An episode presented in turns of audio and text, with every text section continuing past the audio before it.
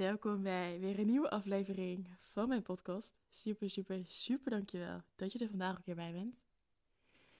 Om even een kleine behind the scenes te geven.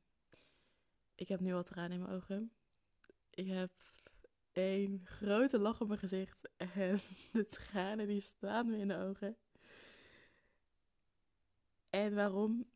Ik heb even geen idee. Ik merkte bij mezelf dat ik net direct in mijn hoofd schoot. Dat ik dacht, ja, ik moet dit kunnen uitleggen. Ik moet dit kunnen verklaren. Maar het kan even niet. Het, dit is even wat er is. En ja, ik ga zien wat er vandaag uit gaat komen. En vanuit ja, welk gevoel er vandaag iets mag ontstaan. Ik heb niks voorbereid. Ik heb. Ik voel nog niet iets waarvan ik denk: hier ga ik vandaag over praten. Het enige wat ik voel was dat ik de microfoon erbij wilde pakken en we gaan zien ja, wat eruit gaat komen. En dat gevoel wat ik had van ja, ik voel dat ik nu met mijn microfoon erbij wil pakken en wil gaan praten, is iets wat vanuit mijn lichaam komt. Net als dat de tranen in mijn ogen en de lach op mijn gezicht ook iets is wat vanuit mijn eigen lichaam naar boven aan het gaan is. En ik zei net al van ja, ik had het gevoel of het idee dat ik het zou moeten verklaren vanuit mijn hoofd. Van ja, uh, waarom heb je tranen in je ogen? Waarom voel, voel jij je zoals je nu voelt?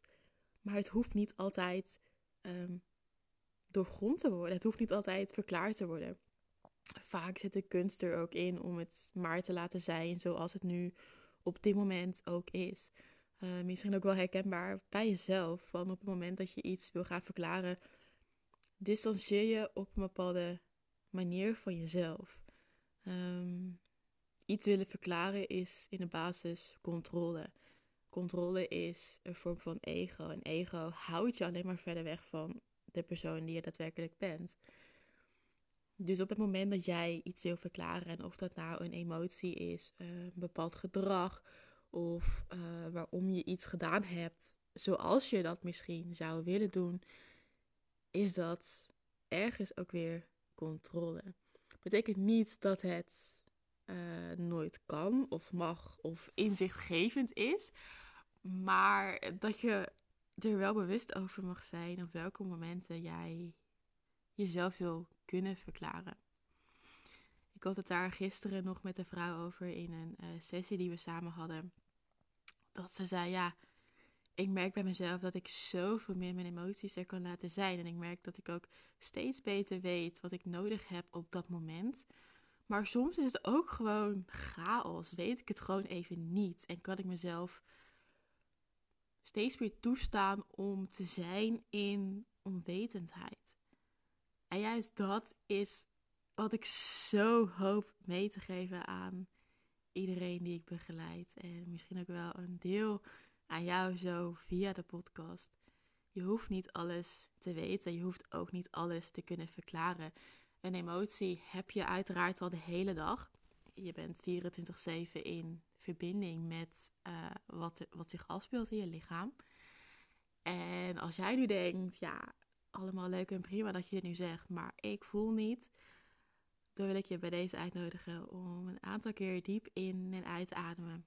Om te landen in dit moment in jezelf. Misschien je de podcast even op pauze zetten. En om voor even je eigen lichaam te voelen. Om te voelen wat daar zich afspeelt. Van hé, hey, hoe voelen mijn voeten? Hoe voelen mijn benen? Hoe voelt mijn buik? Hoe voelt mijn schouder? Zit er ergens een spanning? Zit er ergens een verkramping? Waar zet ik mezelf op dit moment vast?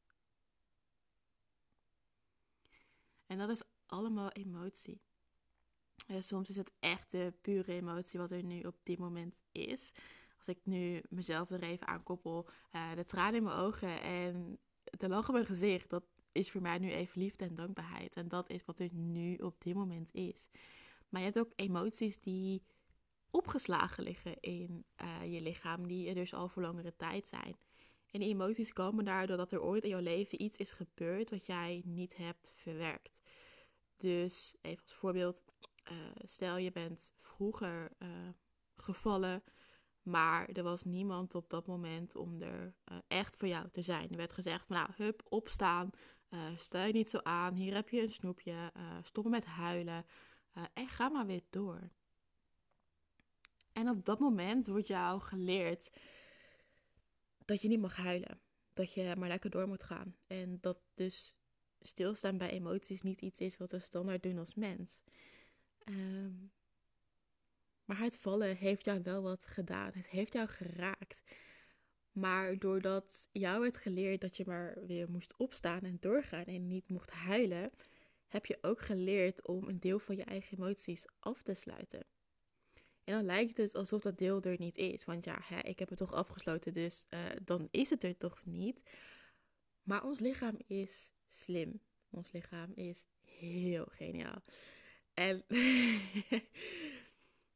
ja, ik heb er gewoon zo weinig woorden voor. Ik vind het zo bijzonder wat ons lichaam kan. En hoe ons lichaam altijd ook weer communiceert met ons. Op het moment dat je ziek bent, is dat een signaal dat er iets in je lichaam niet lekker loopt. Op het moment dat je je slap voelt, je vermoeid voelt. Alles is een signaal. En alles vanuit jouw lichaam wil je wat vertellen. Ehm, en alles wat wij als mens niet verwerken, dat blijft bestaan. Dat slaat zich op in ons lichaam. En vooral rondom uh, ons heupgebied uh, zullen heel veel emoties zitten. Je heupgebied staat heel erg voor uh, emoties. En op het moment dat we iets niet verwerken op emotioneel vlak, dan ja, zal zich dat ook samenvoegen, als het ware, rondom ons heupgebied. Dus een mooie om voor jezelf eens te voelen hoe het voelt om met je heupen te bewegen. Uh, dus om met beide voeten te gaan staan, te gronden in de aarde onder jou. En om dan zachtjes met je heupen te bewegen. ik merk dat ik nu zelf wel mee ga doen. Uh, maar hoe voelt het om je heupen van links naar rechts en zo zeg maar een rondje te laten bewegen? Zit er ergens een spanning? Voelt het heel ongemakkelijk omdat je nu een bepaalde ruimte gaat innemen? Voelt het misschien intens omdat het meer richting een sensuele beweging gaat? En heb je het gevoel dat er op dat gebied iets op slot zit? En wat het voor jou ook is, laat het lekker even voor jezelf. En voel in de eerste plaats even hoe dit voor je is. En dat sluit ook weer heerlijk aan bij wat ik net eerder al zei. Het hoeft niet direct opgelost te worden. Het hoeft ook niet direct verklaard te worden. Dingen kunnen ook gewoon zijn. En dat we ons laten zakken in het zijn. Overgave en ja, ten volste jezelf laten vallen in jezelf en in het leven. Ik denk dat dat voor mij zo krachtig voelt om te doen. En om nog even terug te koppelen naar het gesprek wat ik dus had met uh, de vrouw van gisteren in de sessie. Ik zal even geen namen noemen. Um, dat zij ook zei: Ik vind het zo intens soms om mijn eigen emoties te onderzoeken en te voelen. Want naast dat er heel veel fijne emoties tussen zitten en heel veel dankbaarheid en liefde, is er ook gewoon heel veel shit, pijn, eenzaamheid en teleurstelling. Um, en als het ook achterkwam dat het ook nog weer gekoppeld is aan anderen. Ik moest even nadenken hoe, ze, hoe haar woorden ook weer precies waren. Maar dat ze zei, soms dan voel ik bijvoorbeeld teleurstelling, voel ik een bepaalde vorm van pijn richting iemand anders. Dus dan voel ik in de eerste plaats mijn eigen pijn, maar is die pijn ook soort van gekoppeld aan een ander. En op het moment dat iets gekoppeld is aan een ander, is er dus voor ons gevoel ook iemand anders in betrokken en voelt het helemaal alsof we iets moeten oplossen. Maar weet dat dat niet zo is vaak is het ook een projectie van onszelf op de ander, waardoor we onszelf laten denken dat het aan de ander ligt en aan onszelf. Maar is het de projectie die alles zeg maar um, verdubbelt en uitvergroot? Dus laat vooral een reminder zijn dat je bij jezelf mag blijven, bij je eigen emoties en mag voelen wat echt van jou is in plaats van dat we ons te veel gaan inzetten in emoties van anderen, in dat willen verklaren, in dat willen oplossen en onszelf eigenlijk alleen maar meer frustreren. Dat uh, zijn we natuurlijk heel goed in als mens, maar ja, het brengt ons uiteindelijk niet verder. Voel voor jezelf wat deze woorden tot nu toe met jou gedaan hebben. Voel ook voor jou hoe het voor jou voelt om jezelf te laten zakken in onwetendheid. Hoe zou het voor jou voelen, of nee, laat ik het zo zeggen. Wat zou er nu met jou gebeuren als ik tegen jou zeg: laat alles maar uit je handen vallen. En je hebt nergens meer controle over. Je hebt voor even geen telefoon, geen laptop, geen mensen om je heen, geen schrift om in te schrijven, geen muziek, geen andere ruis wat er nog kan zijn, maar je hebt alleen jezelf. Je weet niet wat er gaat gebeuren, je weet niet wat je gaat denken, wat je gaat voelen en überhaupt of je het gaat overleven. Hoe zou dat voor jou voelen om jezelf te laten zakken in die onwetendheid? Om misschien te denken van, holy fucking shit, dit gaat gewoon mis. Ik voel me angstig, ik voel me onveilig, ik voel gewoon dat dit niet is wat ik nu kan. Of misschien denk je van, hmm, I got this. En dat wat ik zou krijgen nu in dit moment, dan is dat, is dat ook precies wat ik mag krijgen. En is dat ook genoeg? En kan ik het ook dragen?